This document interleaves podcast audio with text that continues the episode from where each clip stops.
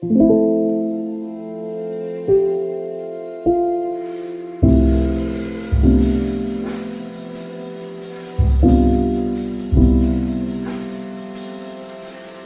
det att prata om allt? Är det till och med nödvändigt?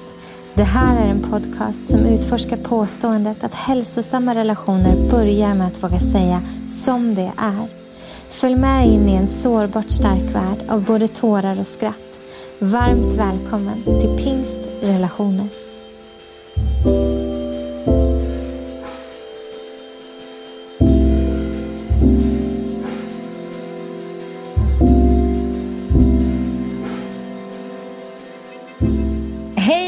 Kära poddlyssnare, varmt välkomna tillbaka till podden. Jag sitter här med skrattet i halsen för jag är inte ensam i rummet och vi höll precis på att säga massa roliga saker. Jag har en gäst idag och idag ska ni få träffa, alldeles strax ska hon få presentera sig. En ny bekantskap för mig, men någon som jag redan känner att här har vi ju tokklickat. Jag hoppas att hon kommer bekräfta det också, så det är inte bara jag som har klickat. Men jag ser fram emot att ni ska få höra och lära känna henne och jag tror också att vi kommer kunna samarbeta kring olika viktiga frågor. Um, så vi kör igång. Erika Bergman, välkommen till podden. Tack så jättemycket. Kul att få vara här. Var det ömsesidigt eller? Absolut ja, ömsesidigt. vad skönt. Vilken kan tur för mig. Ja, vad skönt. Mm. Behöver inte känna mig så stressad. Nej. Jag höll på att säga välkommen till podden men jag sitter ju här på ditt kontor. Mm. Ja, var är vi någonstans? Vi är på Evangeliska Frikyrkans eh, Sverigekontor som finns i Örebro. Mm. Eh, där jag jobbar. Sen hur länge då? Eh, jag började första september så jag är ju verkligen superny på det här jobbet. Så roligt. Ja, det är roligt. Och din tjänst påminner lite grann om min tjänst. Vad ja. är det du jobbar med? Eh, jag jobbar som ledarutvecklare med fokus på missionell diakoni. Mm.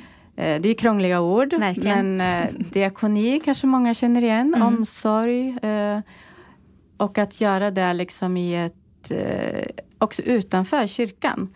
Att inte bara tänka på oss själva i kyrkan mm. utan också att det gäller alla människor. Mm.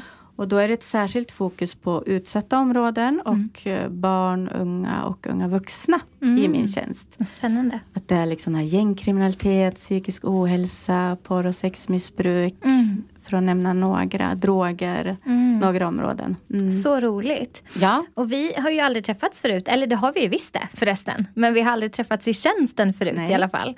Vi kom ju på här att vi faktiskt hade träffats privat för många år sedan. Precis. Ja. Men att igår så var vi med på ett möte, inte mm. igår för er som lyssnar utan för några veckor sedan då, mm. för er som lyssnar. Så hamnade vi i samma eh, digitala mm. rum Precis. på en nätverksträff gällande ja. just porrens skadeverkningar. Och det var så roligt. Ditt namn dök upp och så visste jag att dagen efter så skulle jag åka och träffa dig. Det kändes mm. som att det var vägarna började korsas. Ja, verkligen. Superkul. Och de kommer nog korsas några gånger framöver. Tror jag Eftersom med. vi har lite samma, mm. samma jobb. Ja, mm. superkul. Mm. Ja, du är så välkommen hit. Det Tack. känns jättekul. Tack. Vi har suttit i det här lilla minibiblioteket här mm. inne på kontoret och pratat redan nu i mer än en timme och eh, har väl avverkat några ämnen redan. Vi har löst världens alla problem. Det har gått så bra för oss tycker ja. jag. Mm. Vi slutade med att säga att vi inga lösningar men det går att prata om ja, det. Absolut. det är bra. Och vi ska fortsätta på det mm. nu och mm. försöka göra det fast vi har tryckt på record här. Mm. Så att ni ska få bjudas med in i vårt samtal. Uh, jag bara vill säga till alla lyssnare här att Hösten har ju startat med buller och bång som den kanske gör för er allihopa också.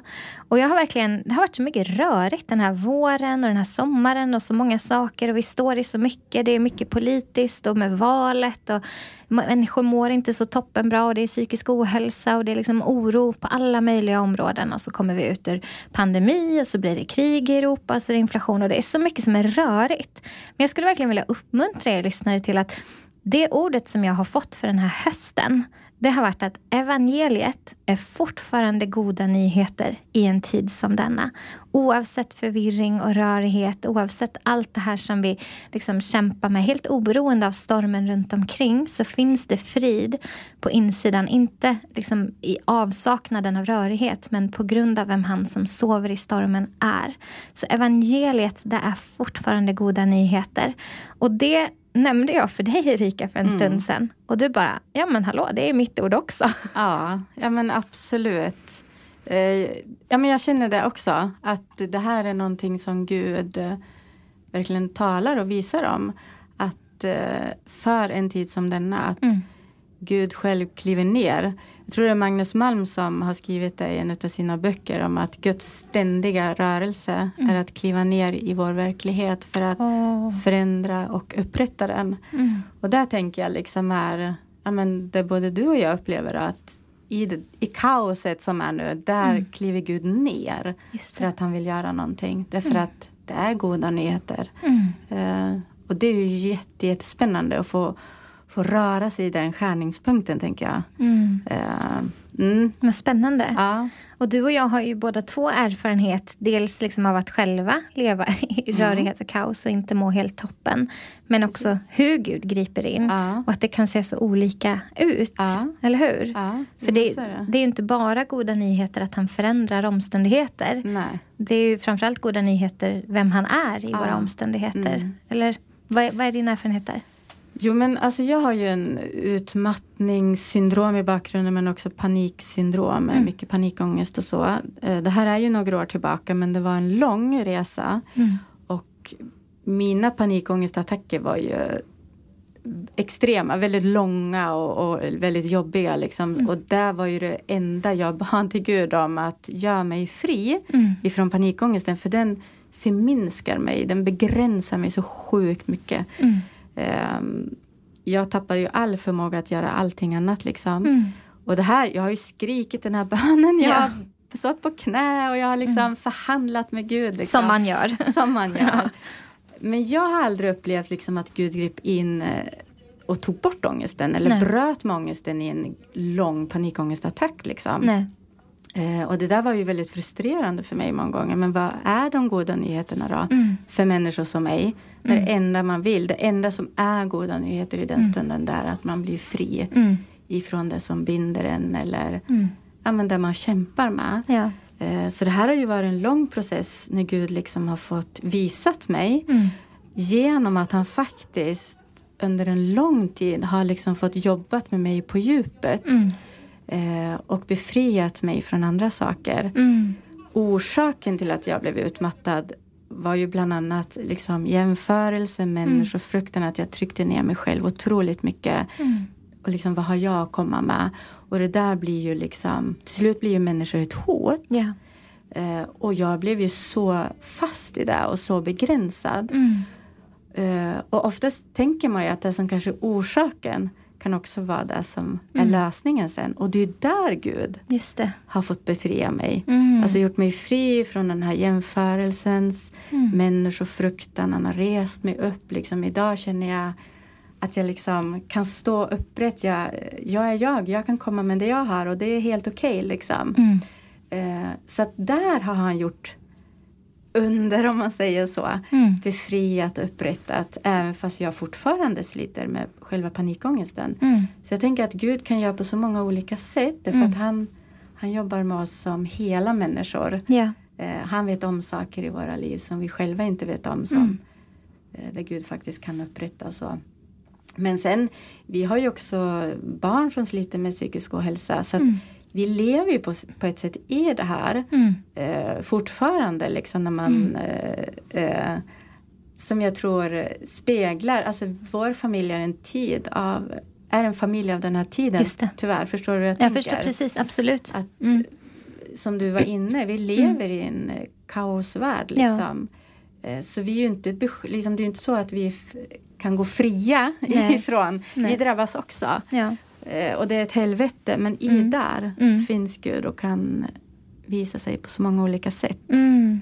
Även fast det inte alltid blir som man själv mm. ber om. Nej, Nej verkligen. Ja. Nej, men, och jag kan verkligen känna igen mig i det. Och jag, jag, kan också känna igen mig så mycket i de samtalen. För både du och jag är mm. ute och möter församlingarna mm. mycket. Och möter människor i församlingarna. Och, liksom, och, och dels delar utifrån vår egen erfarenhet men också undervisar kring ja, psykisk ohälsa och sårbarhet och alla de här frågorna. Och jag möter det så ofta och jag har mött det så ofta i mitt eget liv också. Den här konflikten för oss människor på något sätt mellan att ja, men de goda nyheterna borde ju vara att han befriar mig, att han mm. helar mig, att han upprättar mig, att han lagar det som har gått sönder. Mm. Eh, och att verkligheten ibland på något sätt ger oss en, jag vet inte hur jag ska formulera det, jag får provtänka lite med dig. Mm, att vi har liksom ingen manus idag utan vi bara, mm. vi bara pratar. Mm. Men att ibland så tror jag att det är just att vi behöver möta allt det där som har hänt. Att vi behöver utsätta oss för det på något sätt. Att det vi har i ryggsäcken som var anledningen till att vi hamnade där mm. vi hamnade. Ibland tror jag att de goda nyheterna är att han går med oss i mötet av det. Att okej, okay, men nu, det här är det som har gått sönder. Mm. Ja, det skulle vara lätt som en plätt att bara trycka på en knapp och så var det borta. För han mm. kan det. Tror ju mm. på en övernaturlig gud. Men, men på något sätt så att jag behöver möta smärtpunkterna mm.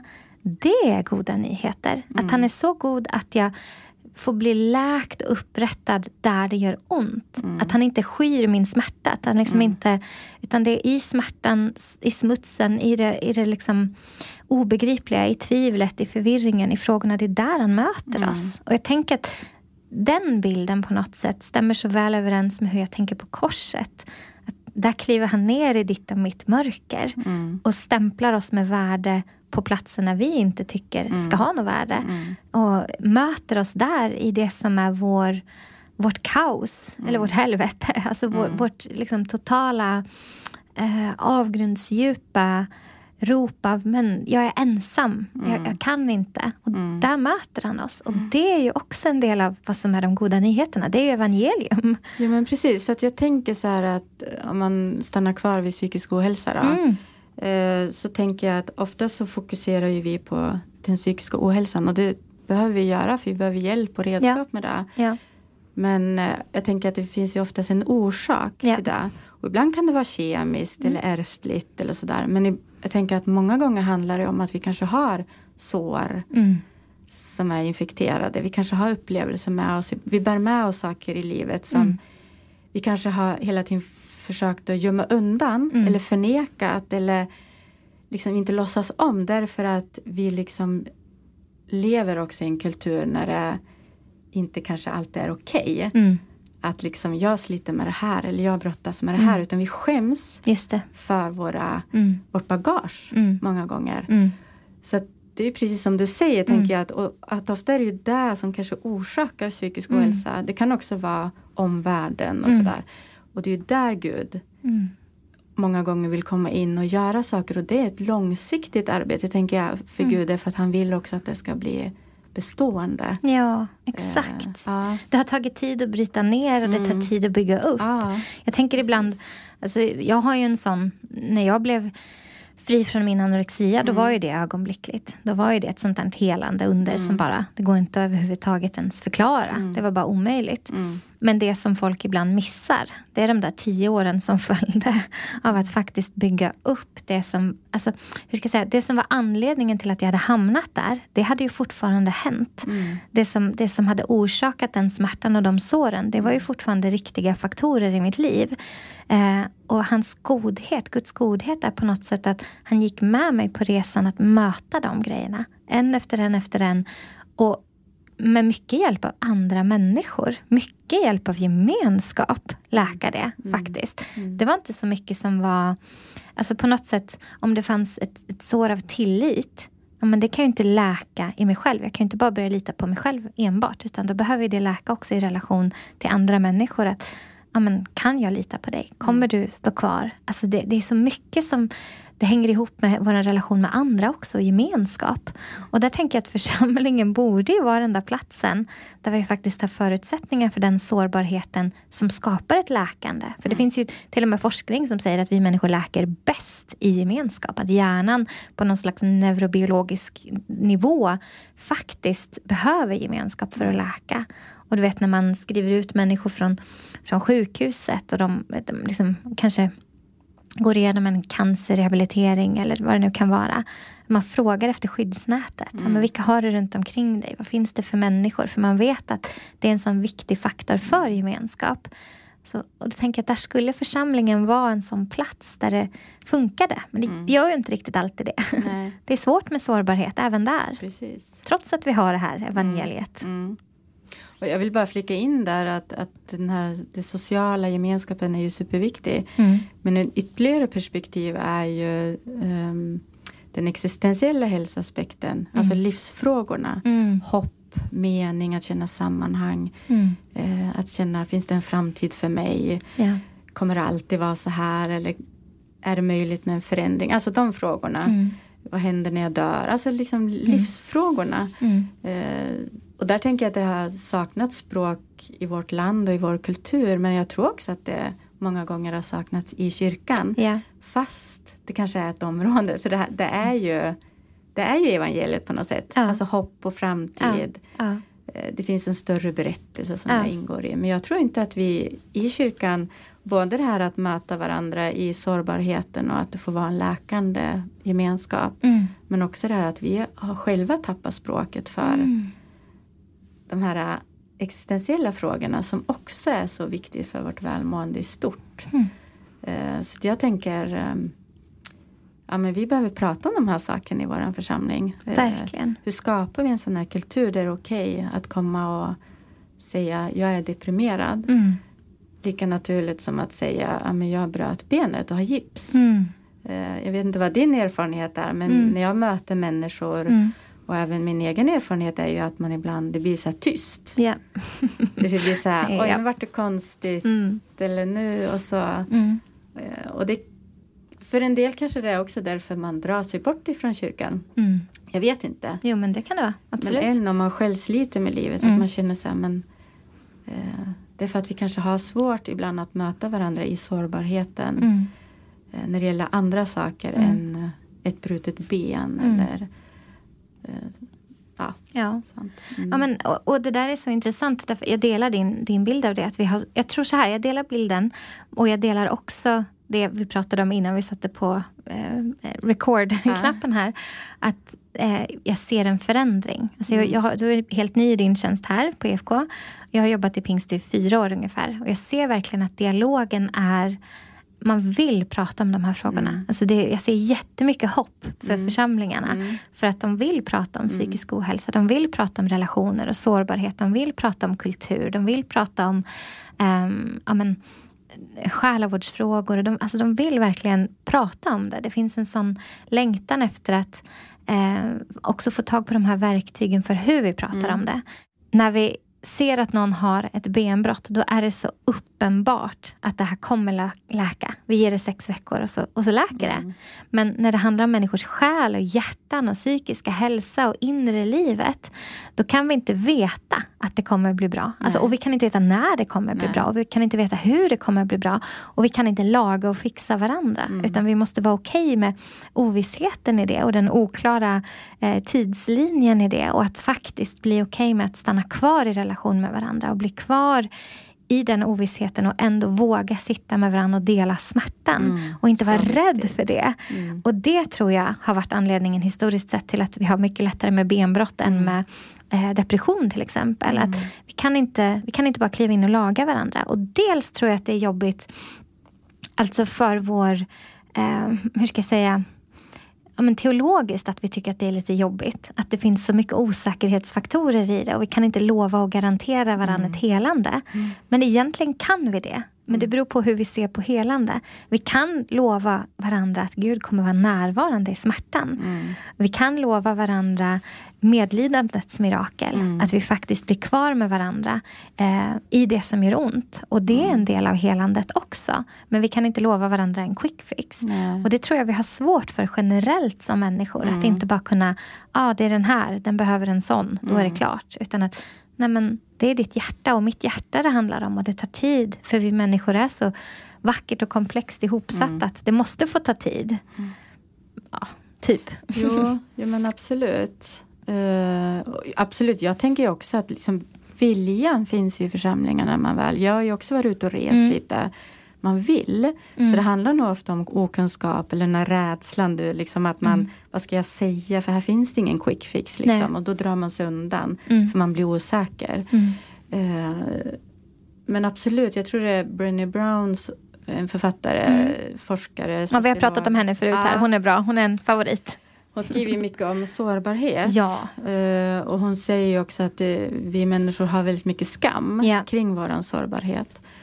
Och så säger hon att det som är botemedel mot skam är empati. Mm. Och det är lite det du beskriver här. Mm. Att, att man stannar kvar i relationen fast det är svårt. Just det. Alltså att vi vågar mötas där. Mm. Att vi ser varandra, vi känner medlidande, vi visar barmhärtighet.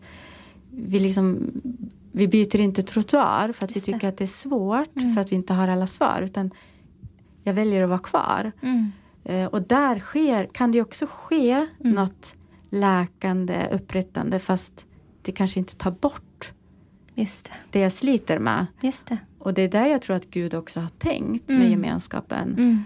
Att ibland för vi med sådana här klyschor, bär varandras bördor liksom. Mm. Men jag tror att det finns någonting där. Mm. För jag har ju varit där i perioder när folk kunde säga till mig, ja men Gud är med mitt svärt, din smärta och jag bara slängde i väggen. Liksom. Ja, det exakt. säger ingenting liksom, när man är i det Nej. djupaste. Mm. Men däremot att när jag inte orkar tro, mm. eller jag orkade inte ens be, liksom, jag hade fullt upp att bara överleva. Exakt. Då var det ju andra som gjorde det. Ja. Som var hoppbärare i mitt fall. Ja. Som liksom inte gav upp Nej. om mig. Liksom.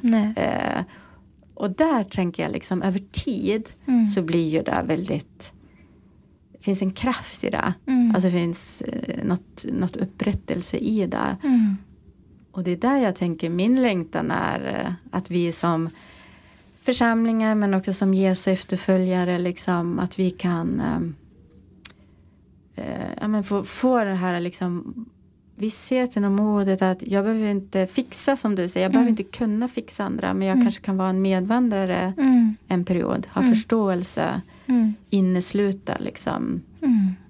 Uh, och där tror jag att vi har en enorm viktig uppgift att göra. Mm. Eh, det är för att det, idag tror jag att många det finns en liten brist mm. eh, i det när mm. det gäller eh, att visa omsorg. Ja. Alltså det finns mycket gott men jag vet inte om du förstår vad jag menar. Det finns liksom psykiatrin, mm. det finns vården och det finns många olika mm. sådana här som är jättebra och gör mycket gott. Mm. Men jag tror att som, som församling kan vi också vara med och komplettera med mm. att kanske se människor, ja. ge plats. Och det är en jätteintressant fråga tycker jag. Alltså ja. hur skapar vi då mm. en sån kultur för mm. sårbarhet? Mm. Det är okej okay, liksom att komma mm. eh, fast man är liksom ganska bruten mm. som människa. Mm. Eh, för ibland så kanske vi inom kyrkan omedvetet har mm. skapat kanske en kultur av lite präktighet, mm. lyckat liksom. Mm. Och mm. Det är för att vi talar kanske inte så ofta om det här, de här svåra Nej.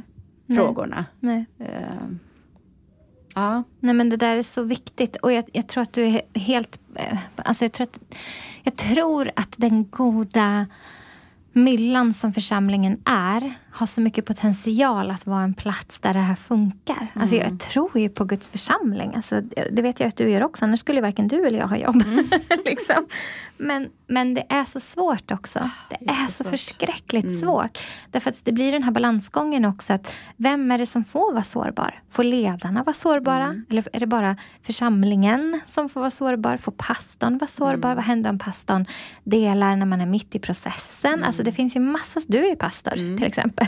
Mm. och du var ju i pastortjänst när du gick igenom ja, din utmattning till exempel. Precis. Jag tänker där finns det säkert erfarenheter på gott och ont mm. när församlingen har varit både en bärande kraft mm. men också där du har sett utmaningarna. Mm. Och det, du får jättegärna tala in i det. Jag bara ska säga att jag tänker att det finns någonting i potentialet som vi ännu inte riktigt har lyckats komma åt. Mm. Men som jag tror att församlingen har en inneboende kraft att klara av det här mm. bättre. Mm. Jag längtar så mycket efter en tid då, då liksom primärvården och vårdcentralerna och på något sätt skola och allt vad det kan vara också ser församlingen som en bärande kraft för mm. den viktiga faktorn existentiell hälsa som är en del av den psykiska mm. hälsan för mm. människor. Där man ju har definierat att, precis som du sa, att ha hopp, att kunna se någonting som ligger längre fram, som bär, som också man kan sätta sitt fokus på, som är större än en mm. själv. Att, att ha tillit till det, det är en del av den psykiska hälsan. Mm. Man har ju till och med definierat det mm. som existentiell hälsa. Och att, att vi skulle kunna ha den här bryggan mellan primärvård och civilsamhälle. Det är liksom inte antingen eller. Men då tror jag församlingen behöver få ett bättre självförtroende i att våga vara sårbar. Mm. Um, vad, vad, är dina erfarenheter där? Vill du tala in i det? Jo, men det är lite både och tycker jag. Mm. Uh, att man både kan möta människor som har... Jag valde, kan ju bara säga det, att jag valde ju att vara offentlig. Mm. Inte med allt, men liksom eh, med det som har varit. Uh, och det har jag både erfarenheter av att jag har märkt att på grund av att jag delar mm. en del saker mm. så kommer människor mm. och någonting händer där för att man delar liknande resa. Yeah. Och något vackert kan hända där. Mm.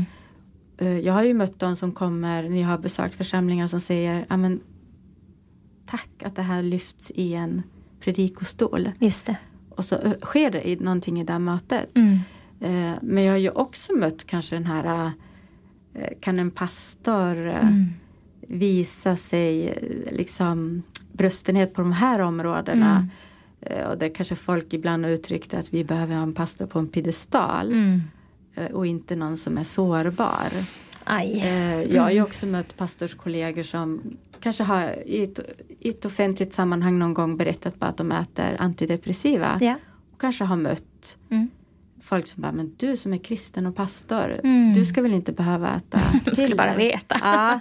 ja. Eh, och det, jag vet ju att det är många som äter det. Ja, såklart. Så det är ju inget konstigt, men liksom att det mm. finns den här, ja men det finns både och. Mm. För jag har också mött, min syster är sjuksköterska eh, i en annan stad så här, och hon mötte en kvinna från ett annat land som kom in och hade ju någon jättejobbigt med psykisk mm. ohälsa och hon hade mm. ju panikångest. Mm. Hon kände väl igen det på grund av att hon hade levt nära mig, min mm. syster. Mm. Och så kände hon i ett sammanhang där att hon skulle säga, men vet du vad, eh, min syster är pastor och mm. hon sliter också med panikångest. Och hur det wow. kunde förändra den här, för hon liksom kan till och med hon kommer från en annan kultur där man har en annan syn på ledare. Att kan till och med mm. en pastor, en Guds liksom, kvinna mm. drabbas av det här. Liksom. Men då är det kanske inte så skamligt att jag drabbas av det. Mm. Så både det här att det uppstår något helande men också att det finns en, en oförståelse och att man mm. ibland möter mm. eh, jätteklumpiga kommentarer. Wow. Eh, så jag tänker att det nog är både och. Mm. Eh, när det gäller mötet med det. Mm. Um, ja, var det något mer? Jag tänkte på någonting men det får, får bort. Ja men det kommer säkert tillbaka. Men, ja. men det är väldigt starkt det du säger. Du, du um, när, vi, när min smärta och din smärta kan mötas uh, så uppstår ett läkande. Du sa något citat förut som var så vackert. Vilket var det? När sår... Ja, ja. Uh, när sår läggs till sår så mm. uppstår helande. Mm. Um, och, och, jag tror, och det är ju väldigt bibliskt. Mm. Eh, så jag tror att det är en av de här när vi pratar om kyrkans mm. roll och jag tror att det är ett av de sätten Gud har tänkt. Mm. Att vi kan få finnas till för varandra. Att när vi har modet att vara sårbara yeah. och, och liksom sänka lite min, min liksom så försvarsmur mm. när jag inte vill att vem som helst ska komma in på bakgården nej, nej. Eh, och se mitt strul. Liksom. Jag vet att jag fick slita jättemycket med det i början av min sjukskrivning. Som självklart drabbade hela vår familj. Vi hade småbarn då.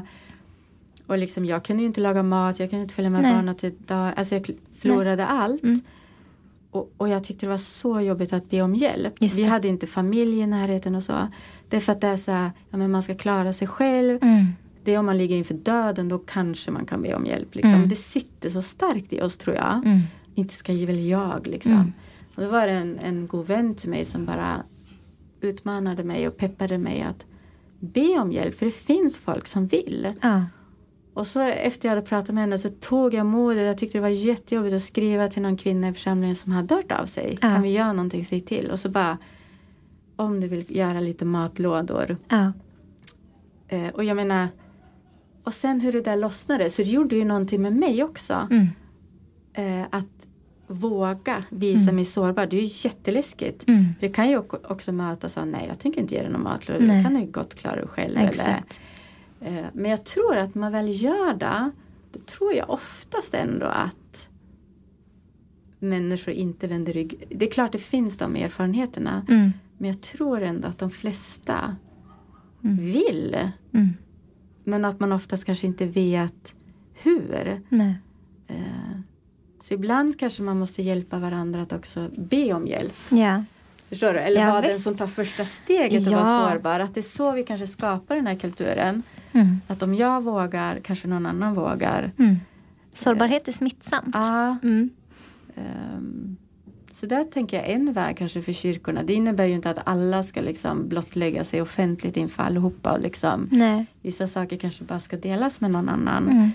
Eh, men att på olika områden ändå. För jag tänker att det är en del av livet. Ja, visst. Sårbarhet och det, det vi det. möter. Och vi har alla bagage med oss. Såklart. Eh, Vissa är bara lite mer medvetna om det och ja. lite mer öppna med det. Men jag tänker att de som, de som har ryggsäcken full med sår och erfarenheter som de inte hanterar, det driver de ju likväl. Mm. Vi är alltid drivna av det som vi har med oss. Men är vi medvetna om det så är vi lite mindre, um, vad ska man säga, uh, omedvetet drivna av det. Utan då kan vi lite mer, oh nu var det det här som hände. Och så kan vi vara mm. ärliga med det.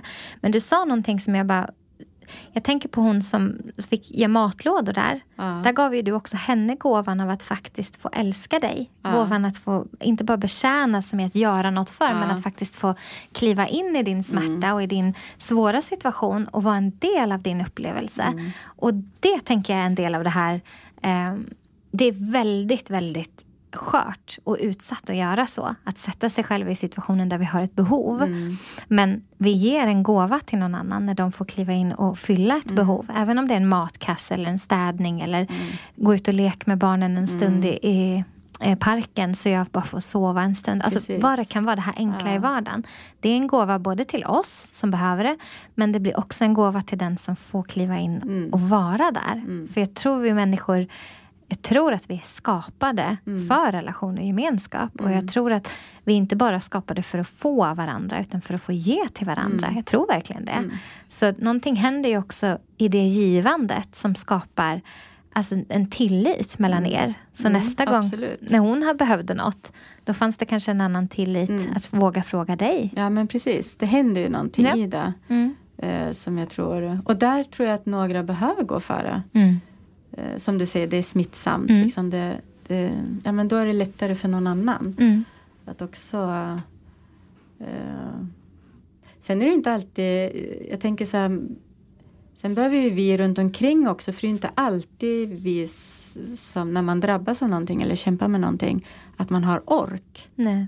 att fråga om hjälp eller Nej. ta första steget. Eller, så att det handlar väl om en både och där, att mm. också vi runt omkring ibland vågar göra saker fast vi inte får en konkret fråga. Exakt. Att höra av sig och fråga hur är det? Eh, jag menar till och med om det finns ett sånt förtroende eller en tillit till varandra till och med säga men hur går det ert äktenskap? Alltså ställa lite mm. de här jobbiga frågorna. Mm. Mm. För jag tänker att vad man än brottas med så får det ju där konsekvenser på alla plan. Ja. Uh, och där kan man ju känna sig ganska ensam därför mm. att man tänker men det är nog bara vi. Exakt. Ehm. Den värsta lögnen ah. kring allt sånt här. Ja, ja, det är ju att man är ensam med det. Mm. Det är bara vi som kämpar. Alla ah. andra har som koll. Alla andra är så lyckliga. Ah. Alla andra är så lyckade. Alla mm. andra funkar. Ingen, ingen runt omkring mig har några tvivel. Alla mm. tycker att allting är toppen. Mm. Och det är inte sant. Nej, det är inte sant. Men det är ju den ensamheten som leder till att vi inte...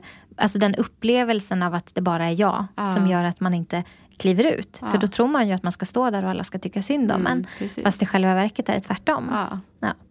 Men någon måste gå före. Jo men precis. Och jag menar jag du pratade ju om det här med, eller vi var inne på det tidigare med vad är de goda nyheterna? Just det. Eh, och jag menar jag har ju varit så många gånger där när jag har varit så arg och besviken på Gud för jag tycker inte att det går ihop sig. Mm, de goda nyheterna ja. med hur det faktiskt är. Ja. Eh, men där tänker jag också att, att det är viktigt att vi också vågar prata om de frågorna. Mm att det är okej okay och att det viktigaste där, jag tänker på Thomas Sjödin som skriver en av sina böcker om att eh, när han pratade om sina söner som levde med några mm. sjukdomar. De dog ju senare mm. men han beskriver hur han på natten liksom kunde ligga i sängen och så fick han ta ett beslut varje gång liksom att okej okay, jag väljer att luta mig lite mer åt Gud. Mm. Att ändå sätta min förtröstan till honom fast jag liksom mm. inte orkar tro eller kan se Nej. att det är just nu. Ja. Men istället för att liksom vända mig åt resignationshållet. Mm.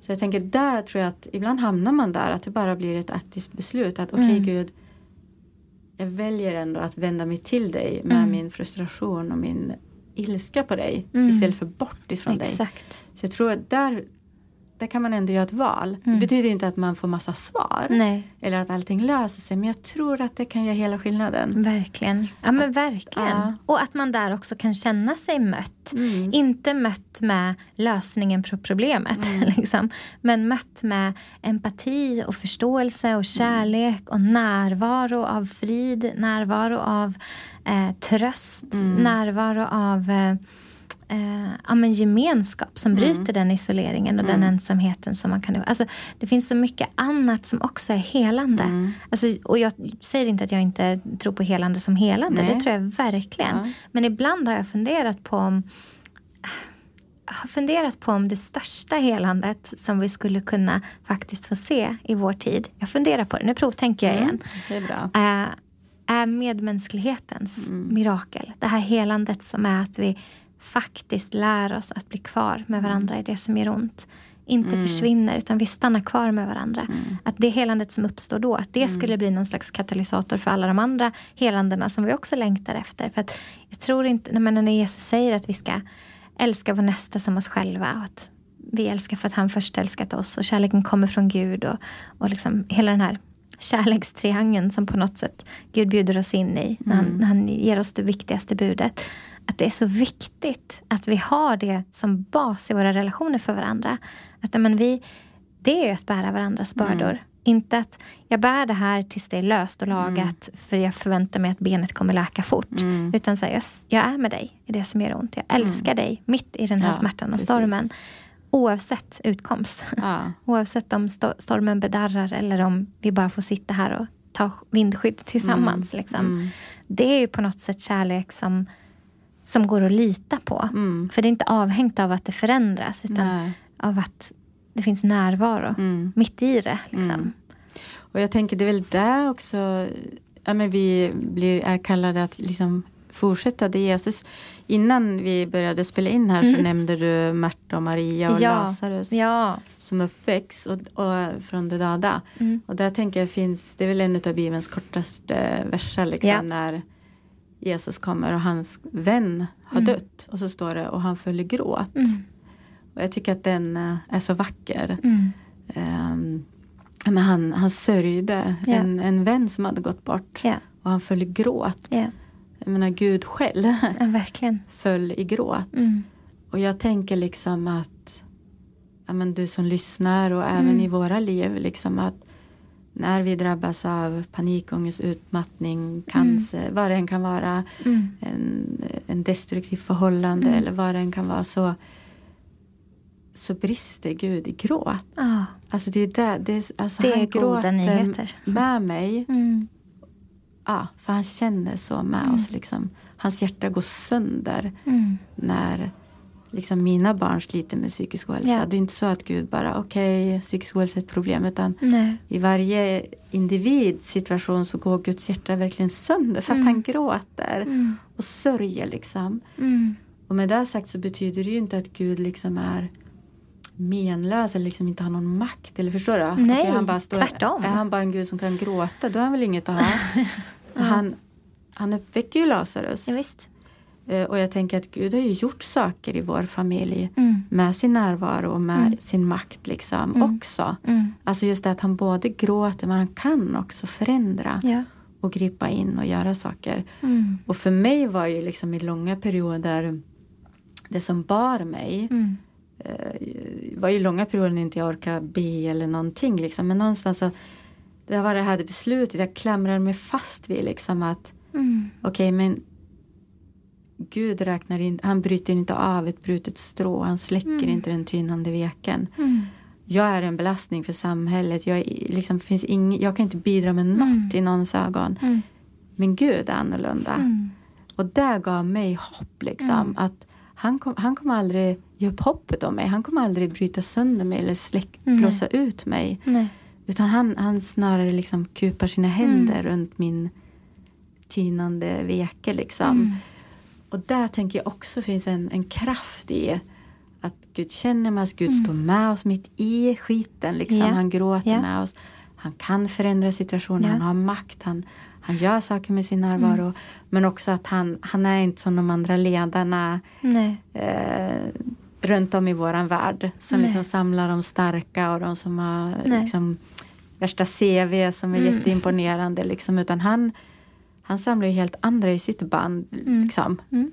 Verkligen. Eh, och det tänker jag är ju sprängkraft. Det är goda nyheter. Det är goda nyheter. Det är goda nyheter. Och, alltså, han möter oss där vi är. Mm. Han möter oss, och jag tänker igen Lazarus, vi pratade om den innan, men det är så starkt hur Maria och Marta behövde bli mötta på två helt olika platser. Mm. Marta behövde få diskutera teologi. Mm. Hennes, liksom, det Jesus hade lärt henne om honom själv mm. och om uppståndelsen och livet mm. och vad hon hade satt sin tro på.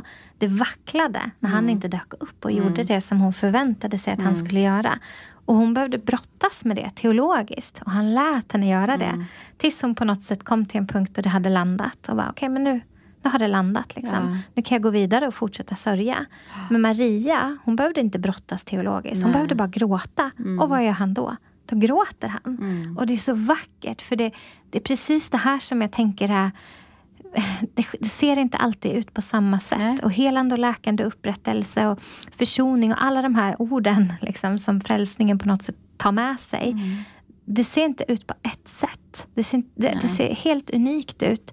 Och de goda nyheterna manifesterar sig på olika sätt beroende på vart vi är och vad vi behöver. Och så tänker jag att vi ibland måste lyfta vår blick och, och se att så som jag tror att det bästa vore. Jag kanske inte ser hela bilden. Mm. Om, om Marta inte hade fått processa det här. Mm. Om Jesus bara hade dykt upp och bara, så. Då hade det kanske aldrig blottats i henne vart hennes tillit till mm. honom faktiskt hade fått mm. sig en törn och hur deras relation faktiskt hade skavt av det här. Mm. Om han bara klev in och helade Lazarus och upprättade honom där, så pang tjoff, så hade Marta kanske aldrig fått det. Och Maria kanske aldrig hade fått den här Um, barmhärtighet. barmhärtighet. Ja, mm. exakt. De fick möta sidor av honom som trots att han... Jag menar, han visste ju att han var på väg dit för att eh, väcka upp Lazarus. Mm. Alltså han visste ju vad hans uppdrag var. Mm. Och ändå tar han sig tiden mm. att möta dem där de är. Han kunde ha kommit dit. Ja, det är så vackert. Han kunde mm. kommit dit och bara så, lugna allihopa, nu ska jag lösa det här. Så, jag som är mm. uppståndelsen och livet. Så, Lazarus kom ut. Men han var så här, okej, okay, Marta hon behöver det här. Maria behöver det här. Mm. Jag behöver få sörja min vän Lazarus. Jag behöver gråta för Precis. det här.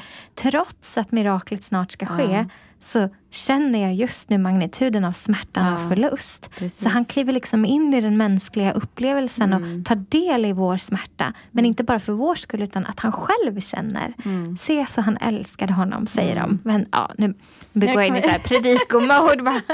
det här är en så ja. bra text, för ja, det är det så, mycket mycket guld. Om man någonsin undrar om vår Gud känner med oss, då har man svaret där. Ja, han gör det. Och ibland så tänker jag att det där att Gud använder andra människor. Mm. Vi var inne på gemenskapen och mm. mötet oss emellan och sådär. Eh, jag har en sån vacker berättelse från min egen tid som mm. sjukskriven. Jag var ensam hemma med våra små barn. Jag skulle liksom lägga dem allt det här och jag hade följt så med det att ens få ihop det. Och så ringer det på dörren. Det mm. spöregnar ut och det ringer på dörren. Och jag kommer ihåg att jag tänker jag orkar inte öppna, jag orkar inte möta en annan människa. Liksom. Mm. Men av någon anledning så öppnar jag ändå dörren och utanför så står Kalle, mm. en uh, alkoholist mm. som liksom rörde sig i vår församling. Mm. var dyngsur. Mm. Och han kom in i hallen och det stank liksom mm. uh, alkohol om honom. Vi hade ju mötts många gånger tidigare. Och så säger han så här, ah, jag, hörde, uh, jag hörde att du inte mådde bra. Att, att, och det, det vet jag vad det är för någonting. Så då oh. satte jag mig på cykeln. Han hade cyklat i en halv mil för att komma hem till mig. Wow. Och var helt genomsur. Och så står han där och så bara liksom uppmuntrar han mig som pastor och, och lyfter det här och det här. Och så säger han så det här med att må skit.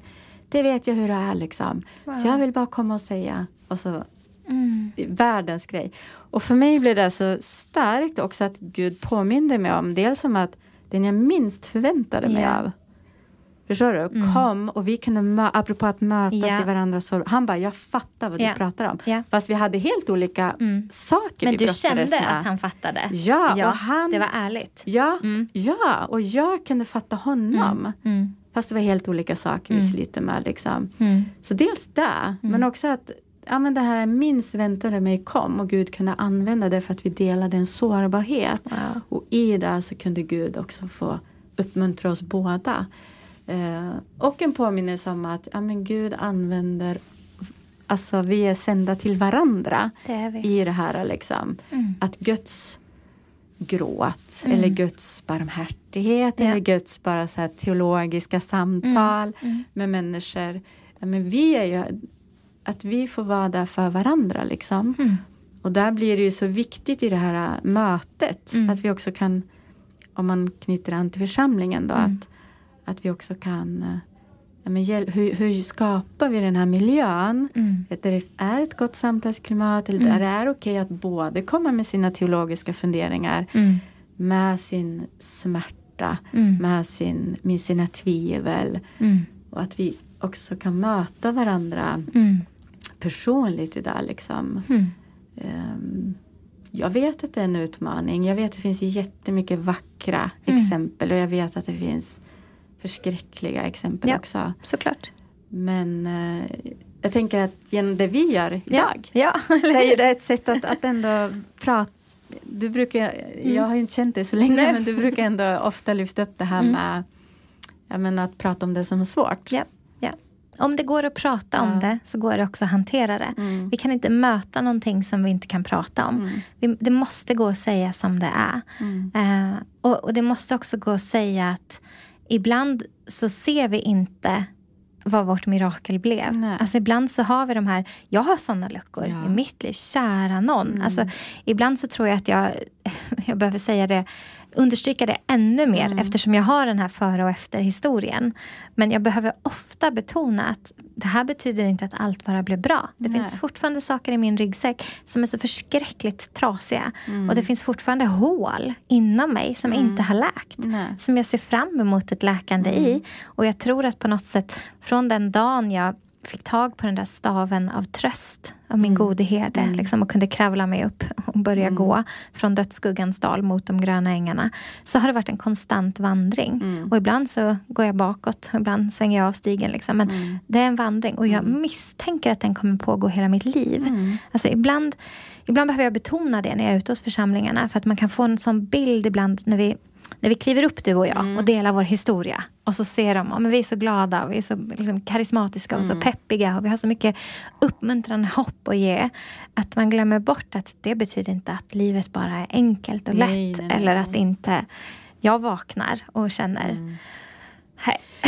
Jo, men nu skiter vi här. Liksom. Absolut, så ja. är det ju. Alltså, mm. det, det, är ju klart man, eh, utan att gå in i för mycket detaljer, att mm. ena dagen så kan jag sitta på en inlåst avdelning, psykiatrisk avdelning för barn. Mm.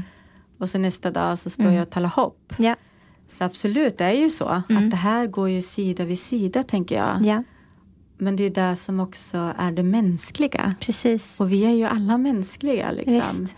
Så jag håller ju också med om det. Jag tänker att det är ju först i, i himlen som mm. all ondska, Exakt. alla sjukdomar, allt ont är ja. borta. Liksom. Ja.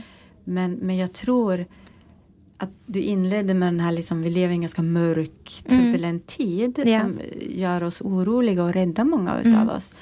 Men, men det jag liksom vill lyfta upp, och jag tror det du också vill lyfta upp, det är att det finns ändå, i det här finns det hopp, det finns ljus, det finns liksom Alltså evangeliet, Guds rike bryter ju in redan nu. Precis. Och, och där tror jag liksom att det finns, mm. Gud vill någonting. Mm. Alltså för en tid som denna. Mm. Uh, det finns goda nyheter mm.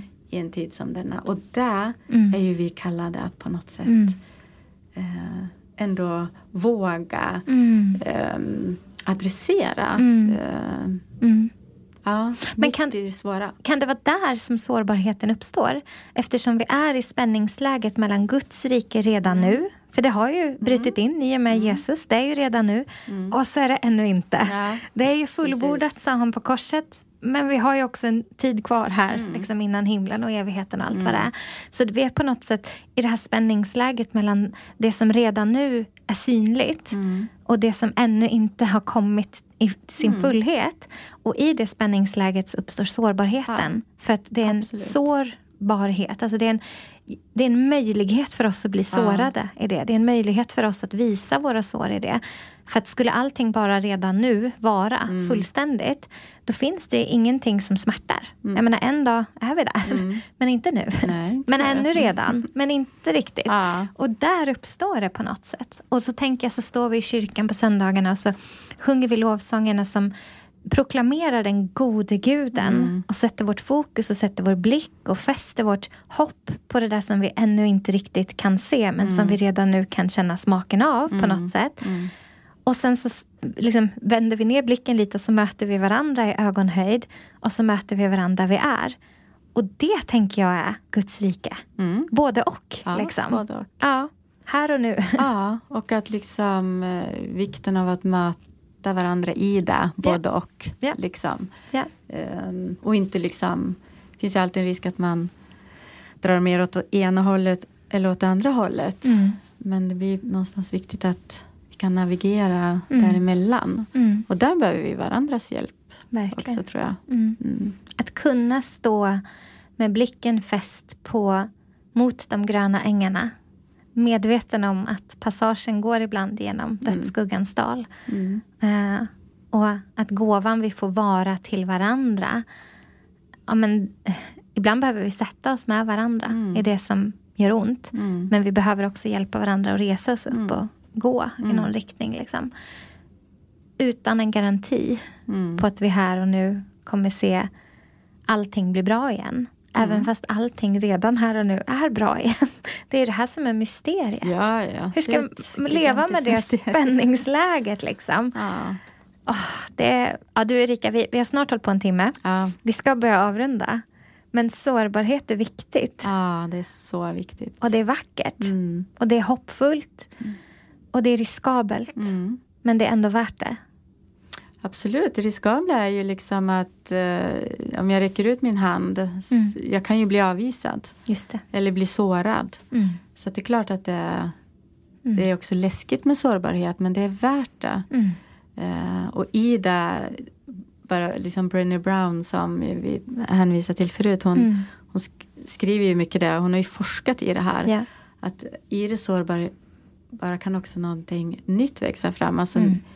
kreativitet, mm. Eh, liksom nya idéer, nya tankar. Mm. Så att det finns en kraft i det också. Yeah. Så att det är inte bara det här äh, själavårdande i det. Utan Nej. jag tror att det finns något väldigt... Det, det växer saker där. Det tror jag verkligen. Ja. Så vi, vi, vi, har hopp för församlingen, mm. eller hur? Och vi, vi vill hjälpa dem på de mm. sätt vi kan i våra tjänster. Absolut. Men den, den stora utmaningen blir det, tror jag. Att se sårbarhet som en gåva till församlingen. Också en faktor för tillväxt. Mm. Också en faktor för kreativitet. Mm. Också en faktor för um, glädje. Mm. Alltså jag tror det. Ja, ja, ja. Vet, och för hopp och ja, helande ja. och uppresta människor. Ja, och... visst. Får jag bara avsluta med en ja, kort berättelse? Kör! Ja, men kör! Vi är inte på en timme ännu, det är bara att köra. Uh, nej, men jag tänker att uh, min syster, jag har ju berättat om henne förut, hon är sjuksköterska och mm. uh, då, som sjuksköterska får de uppdrag ibland att gå ut och ta blodprov. Mm. Polisen vill liksom mm. att de ska komma. Så då berättade hon om när hon var på polisstationen, tog blodprov på en ung man. Mm. Och han är ju liksom drogpåverkad och sitter och berättar om sitt liv. Och så säger han bland annat att han berättade hur hans flickvän gjorde slut. Mm. Hur han liksom blev, tyckte det var jättejobbigt och han hörde av sig till vårdcentralen. Han hörde av sig till psykiatrin och socialtjänsten. Och alla sa bara, men du, du är inte våran mm. kund. Eller vad man säger. Mm. Uh, och då började han självmedicinera sig och sen så växte ju det till droger och nu är han fast i ett mm. drogberoende. Liksom. Mm. Och så säger han, det enda jag behövde det var ju att få prata med någon. Mm. Och så polismannen som står där, han vet att min syster är med i kyrkan så han vänder sig till henne och så säger han så här Alltså vi möter det här dagligen ute på gatorna. Alltså unga människor som egentligen bara vill prata med en medmänniska. Eh, så det här är någonting för er som kyrka att göra, säger Kom polisen. Igen. Bra. Eh, och det resulterade i att den församlingen skrev ju sådana här apropå din ja. dröm, mm. gjorde så här visitkort som de delade ut till socialtjänsten och polisen och sa att möter ni människor mm. som inte Eh, är liksom så pass dåliga att de behöver psykiatrisk vård. Nej. Men liksom en medmänniska, mm. men då kan de ringa till oss. Wow. Tycker det är ett vackert exempel på um, ja, men liksom att få, få vara i funktion och att mm. komplettera de instanser som gör uh, sina saker. Wow. Uh, och att det ibland behövs så lite. Mm. Det hade kanske förhindrat att han hamnade i ett drogmissbruk. Wow. Mm det medmänskliga mm. samtalet. Mm. Det kan vi också ge som en uppmuntran Aha. till församlingarna. Går det att bygga broar mm. till, till BUP, till primärvården, mm. till vårdcentralerna, till psykiatrin, till skol skolkuratorerna, till ja, men vad det nu är, mm. ätstörningsenheterna och säga att ja, men, vi tror att ni behöver göra er del, mm. men vi har också en del. Mm. Vi kan finnas här. Absolut. Mycket hoppfullt. Yes. Du Erika, det här vill jag göra igen. Det var jättekul att prata med dig. Detsamma. Vad roligt att du kom till podden och vad glad jag är att jag har fått en kollega ja. som jobbar liknande. Jajamän. Tror du, vill ja. du komma tillbaka? Ja. ja. Bra. Det är svårt att säga något annat när du vet att det spelas in. ja men precis. Nej men absolut. Ja. Det finns ju hur mycket som helst att prata om. Det gör ju verkligen ja. det. Ja men tack för att du var här. Tusen tack att jag fick vara med. Och alla kära lyssnare, jag förstår att ni är superglada att Erika var med, ni också, för att eh, ni brukar ju gilla när vi har gäster. Och här var det fullständigt utan manus och vi bara pratade på. Så vad roligt att möta er idag och jag ser fram emot att mötas snart igen. Hej då!